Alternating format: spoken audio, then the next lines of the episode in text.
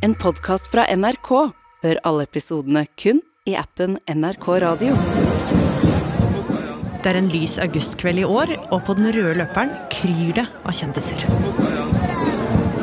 Storfilmen Olsenbanden har premiere, og den høyreiste hovedrolleinnehaveren, Jon Carew, vinker fornøyd til publikum. Men det få veit, er at livet hans snart skal gå fra rød løper til rettssak. Tidligere fotballspiller Jon Carew er dømt til ett år og to måneder i fengsel.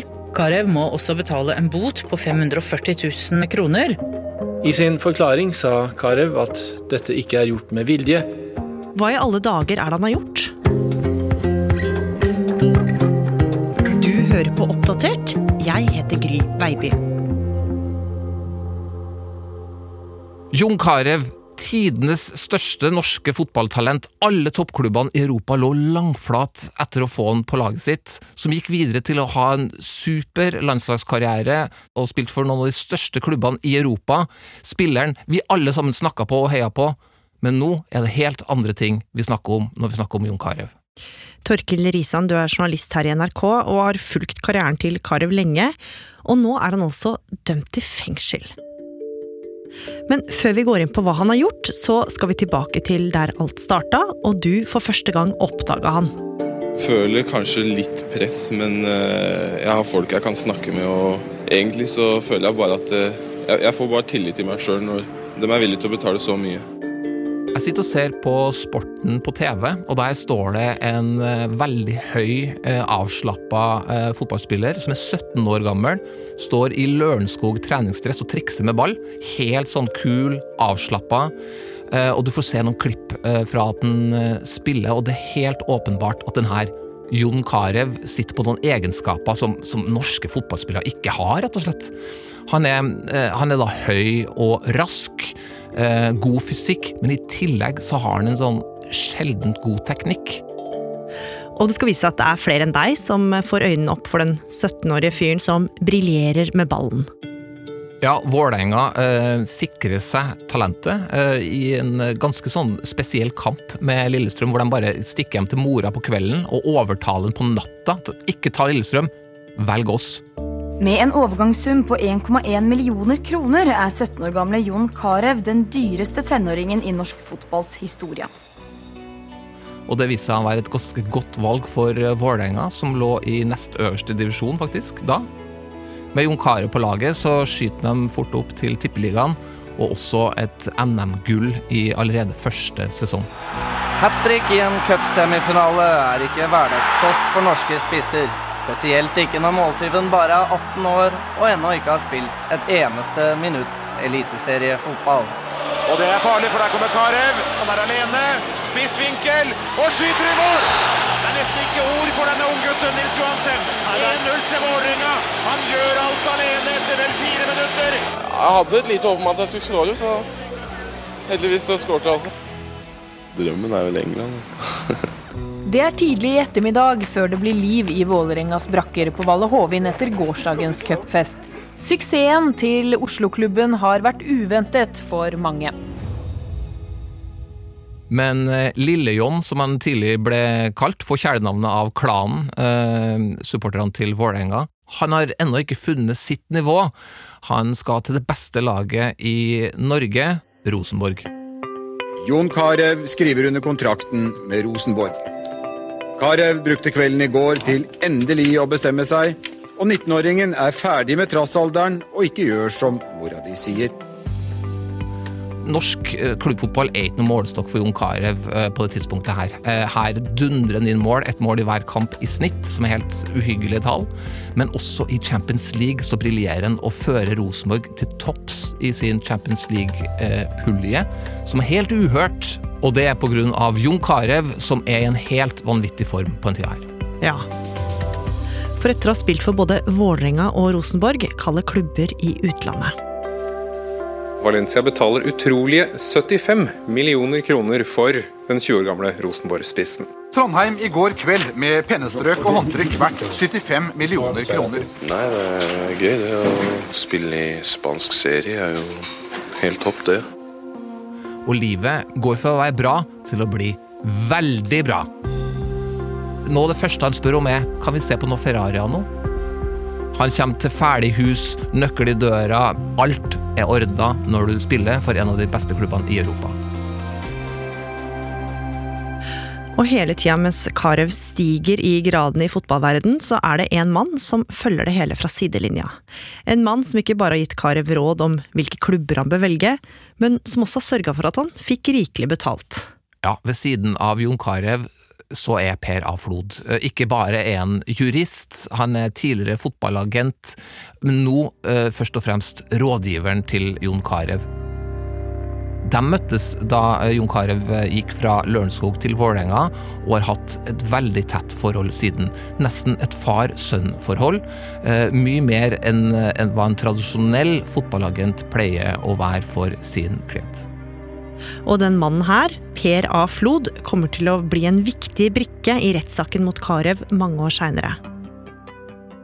Men det veit Carew ingenting om, der han løper rundt på banen for Valencia og fortsetter å imponere. Ja, Jon Carew leverer varene, eh, eller Aliø som han nå kaller seg. eh, For når vi ser eh, Valencia-kamp, så står det ikke Carew på ryggen. Det står Aliø, som er da eh, gambisk og betyr styrke. Aliø er da et navn fra farssida til eh, Jon Carew. Og Valencia har en fantastisk sesong. De spiller seg fram til finalen i Mesterligaen, altså Champions League i 2001. Møter Bayern München. Det blir uavgjort, det blir straffekonk. Og så skal vår mann opp og ta sitt spark. Norwegian John Carew. The next to face Khan. Oh, very cool. Two out of two for Valencia. Jon Carew skårer selvsikkert på den tyske stjernekeeperen Oliver Kahn. Valencia taper finalen, men Jon Carew sin fotballkarriere den er fortsatt på stigende kurs. Og som den fotballstjerne han er, så er det tydelig at Jon Carew nå virkelig har fått en ny livsstil. Her i Valencias finere strøk har fotballmillionæren sitt hjem. Bak det høye gittergjerdet bor Jon Carew på 300 nybygde kvadratmeter. Også bilen er standsmessig. Valencia-spissen kjører en BMW i millionklassen. Når du først kommer hit, så klart, eh, og du griper muligheten, så er jo det Det kan jo ikke bli bedre enn det. Og eh, at du tjener veldig godt, gjør ikke noe det heller. Det er en aura av glamour rundt uh, Jon Carew som du ikke finner blant de andre spillerne, uh, heller ikke på det norske landslaget. Det er stil, det er dyre saker, og det er rett og slett det er en verdensstjerne i lille Norge. Men etter et par år på toppnivå så skal det endre seg litt for Jon Carew på fotballbanen, og det skjer nesten litt i det stille. Ja, for første gang så opplever Jon Carew uh, litt motgang. Alt har gått på skinner inntil nå. Eh, Det blir mindre spilletid i Valencia, han må sitte på benken, og han ble også lånt ut til den italienske storklubben eh, Roma. Men på landslaget så er han fortsatt den spilleren vi alle sammen fester håpet vårt til. Ja, og det er under en landslagstrening at Carew skal spille hovedrollen i skandalen som blir kjent som Slagene i Drammen. Det er en septemberkveld i 2003. Landslaget har vært på trening i Drammen når Carew og den rødhåra medspilleren, sunnmøringen Jon Arne Riise, begynner å krangle høylytt. På de bakerste rekkene i landslagsbussen sitter de to og roper skjellsord til hverandre. Og det er nå det renner over for Jon Carew, for plutselig skal Risa bli truffet av et knyttneveslag i bakhodet. Carew skal ha fortsatt å slå, før han blir dratt bort av tre menn i bussen. Dagen etter så våkner de opp til medieoppslag. Jon Carew får ikke spille i morgen, slo lagkamerat Jon Arne Riise. Det stormer rundt landslaget i fotball. Ja, Og det pga. et slag fra Karev til Riise. Vi satt jo bare i bussen og pratet og satt jo spillere og sånt. og begynte vi å diskutere her inne og sånt, bare om det som skjedde på treninga. Og til slutt så gikk det litt for langt. Dette er en stor skandale. Det er fråtsefest i media, forsidene skriver ikke om andre ting. Det er snakk om de to største profilene vi har i Norge, eh, som har ganske ulike personligheter, og som det har vært gnisninger med. Men de to skværer opp nesten umiddelbart. Men Jon Carew havner i en karantene. Han får ikke lov å spille på landslaget på et halvt år, selv om det er store og viktige norske landskamper han da går glipp av. Og etter scenen som har sjokkert Fotball-Norge, så skal det ikke ta lang tid før Jon Carew igjen havner på avisforsidene. Men da for en litt annen type sak. Jon Carew eh, har akkurat kommet tilbake på landslaget, men så er det at en 22 år gammel kvinne har født en liten gutt på Ullevål sykehus. På fødselsattesten så skrev hun at det var Jon Carew som var faren. Men Jon Carew nekter, eh, og eh, sammen med sin rådgiver Per A. Flod, så nekter de også å ta farskapstest. Da eh, tar eh, denne 22 år gamle kvinnen saken til retten. Det blir farskapstest, og det blir påvist at Jon Carew er faren. Hvordan reagerer han på det? Det vi får inntrykk av gjennom media, er i hvert fall at uh, han tar fullt ansvar og går på med stort pågangsmot i den nye rollen som far. Og selv om det har storma i privatlivet, så fortsetter livet som fotballspiller for europeiske klubber. Ja, det er kanskje tydelig at han ikke blir verdens beste fotballspiller, men Jon Carew spiller fortsatt på et veldig høyt europeisk nivå. Skårer mål i forskjellige ligaer, i Frankrike, i Tyrkia, har gjort det bra i Italia, og nå får han også drømmeovergangen sin til Premier League, denne ligaen som eh, har høyest status, og som betaler best i hele verden. Og klubben han lander i, det er Aston Villa. Og i løpet av åra i utenlandske klubber så tjener Carew masse penger, og på et eller annet tidspunkt så bestemmer han seg for å investere i framtida. Med agenten og vennen Per A. Flod investerer de to i eiendom i Oslo, og i 2010 så kjøper de en bygård i Bygdø allé til over 80 millioner kroner. Og med flere eiendommer på monopolbrettet er framtida sikra. To år seinere legger han fotballkarrieren på hylla, og snart skal han også finne seg et nytt kall, nemlig film. Ja, han har jo alltid vært en uh, naturlig pen og veltrent fyr. Har gjort litt uh, modelloppdrag. Han har til og med prøvd seg som veskedesigner. Uh, men nå er det selvfølgelig skuespiller han trekkes mot. Tar litt privat timer og prøver å lære seg faget, og klarer etter hvert å få seg noen roller. Og i 2014 så debuterer han i den kanadiske filmen Dead of Winter. Og året etter så spiller han eh, rollen som gangsterbossen Igor i den norske filmen Høvdinger. Men det virkelig store gjennombruddet, det skal komme i 2018. Vet du hva? Det er så jævla bullshit. Du lova meg en framtid her. Jeg er den viktigste spilleren her. Tidligere proffspiller Jon Carew har rollen som kjent fotballspiller i TV-serien Heimebane. Jeg storkoser meg, og vi jobber veldig bra sammen her og lager veldig mye bra, så jeg tror at det, det kommer til å bli en suksess. I serien Heimebane så spiller Jon Carew en hjemvendt fotballspiller, Michael Ellingsen, som skal tilbake igjen til bygda på slutten av karrieren. Ganske likt eh, en Jon Carew i virkeligheten, men han, han, er ikke bare et trekkplaster i denne serien. Han gjør en god rolleprestasjon, og mange får faktisk øynene opp for skuespillertalentet til Jon Carew også. Men han heller jo også på med andre typer oppdrag på denne tida. Halla! Det er lett å chille og spille kasinos Come On. Null stress, bare chill og spill hos Come On. Og selv om mange rynker på nesa for at han tjener penger på spillreklame, så skal det snart komme en helt annen type sak som eh, vekker folks oppmerksomhet. Ja, først så kommer jo gladnyheten om at Jon Carew har fått rollen som kriminelle Benny i Olsen-banden. Den eh, slapp i mai 2021, den nyheten. Og bare måneden etter så kommer det en annen type nyhet. Økokrim etterforsker Jon Carew for grov skatteunndragelse. Tidligere fotballspiller Jon Carew er siktet for grov skatteunndragelse av Økokrim. Til dagens siktelse om grov skatteunndragelse stiller han seg uforstående, ifølge forretningspartneren. Men de har jo stadig kommet tilbake på det, med utskrifter av alt fra bompenger og golfspill og hotellregninger og hva det nå enn måtte være. Og våren 2022 kom tiltalen, og med det ble det klart at Carew måtte møte retten. Oslo tingrett i dag. Kontrasten er stor til velpleide gressmatter på Europas største fotballarenaer. Tidligere fotballspiller John Carew sier han aldri unndro skatt med vilje, men han innrømmer å ha vært grovt uaktsom.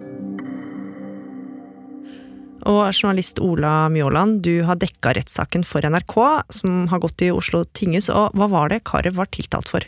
Han var tiltalt for snytt 5,4 millioner kroner på skatten over seks år fra 2014. I tillegg mente Økokrim at han gjorde dette med viten og vilje de tre siste årene, og at han måtte ha visst at det var galt. Og Karev kom inn i rettssalen eh, pent kledd. Eh, han smilte til de mange pressefolka, opptredde ydmykt og, eh, og småprata også litt. Og pengene som Økokrim mente at Karev ikke hadde skatta av, hva slags penger var det? Av de inntektene han skulle ha skatta så kom de fra TV-oppdrag i Norge og utlandet, og fra oppdrag som posterboy for et spille- og bettingselskap. Og så var det det han burde ha skatta av formue. Eh, og til sammen for alle åra var det snakk om over 300 millioner kroner, der mye var plassert i Luxembourg og skatteparadiset Isle of Man. Carew selv sa at han ikke hadde forstått hvordan skattesystemet i Norge fungerte. Dessuten hadde han bodd i utlandet i årevis. Han fortalte også at helt fra han var 17 år og gjennom hele karrieren så hadde alt blitt fiksa og tilrettelagt for ham. Alt fra nøkkelen i døra til å opprette bankkontoer eh, og trekke skatt ble ordna for ham. Og selv hadde han ikke hørt om skatteetaten før han var voksen. Og tidlig i forklaringa kom han inn på sin gode venn, reservepappaen Per eh, A. Flod. Og fordi Flod hadde ordna opp i en tidligere skattesak, fortalte Carew at han stolte på Flods eh, vurderinger. Og noe av stridens kjerne i denne rettssaken var jo hvor mange dager Carew hadde oppholdt seg i Norge. Hvorfor ble det så viktig? Jo, for hadde han oppholdt seg mer enn halve tida i utlandet, så trengte han ikke skatte til Norge. Og i rettssalen sa Karev seg enig i at han nok hadde vært mer i Norge enn utlandet. Og 16. november så kom dommen. Jon Carew ble dømt til fengsel i ett år og to måneder for grovt skattesvik og må betale 540 000 kroner i bot.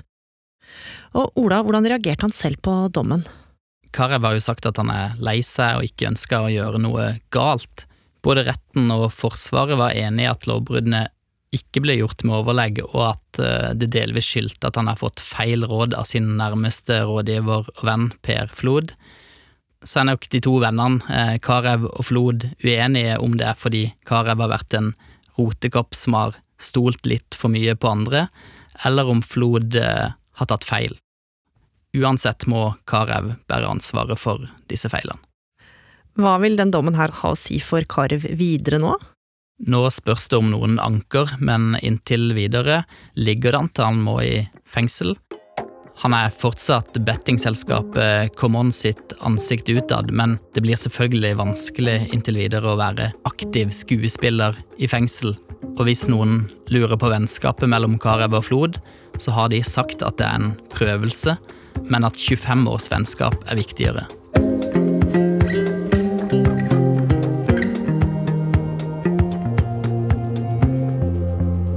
Oppdatert er en podkast fra NRK Nyheter. Og denne episoden den er laga av oss. Research og regi.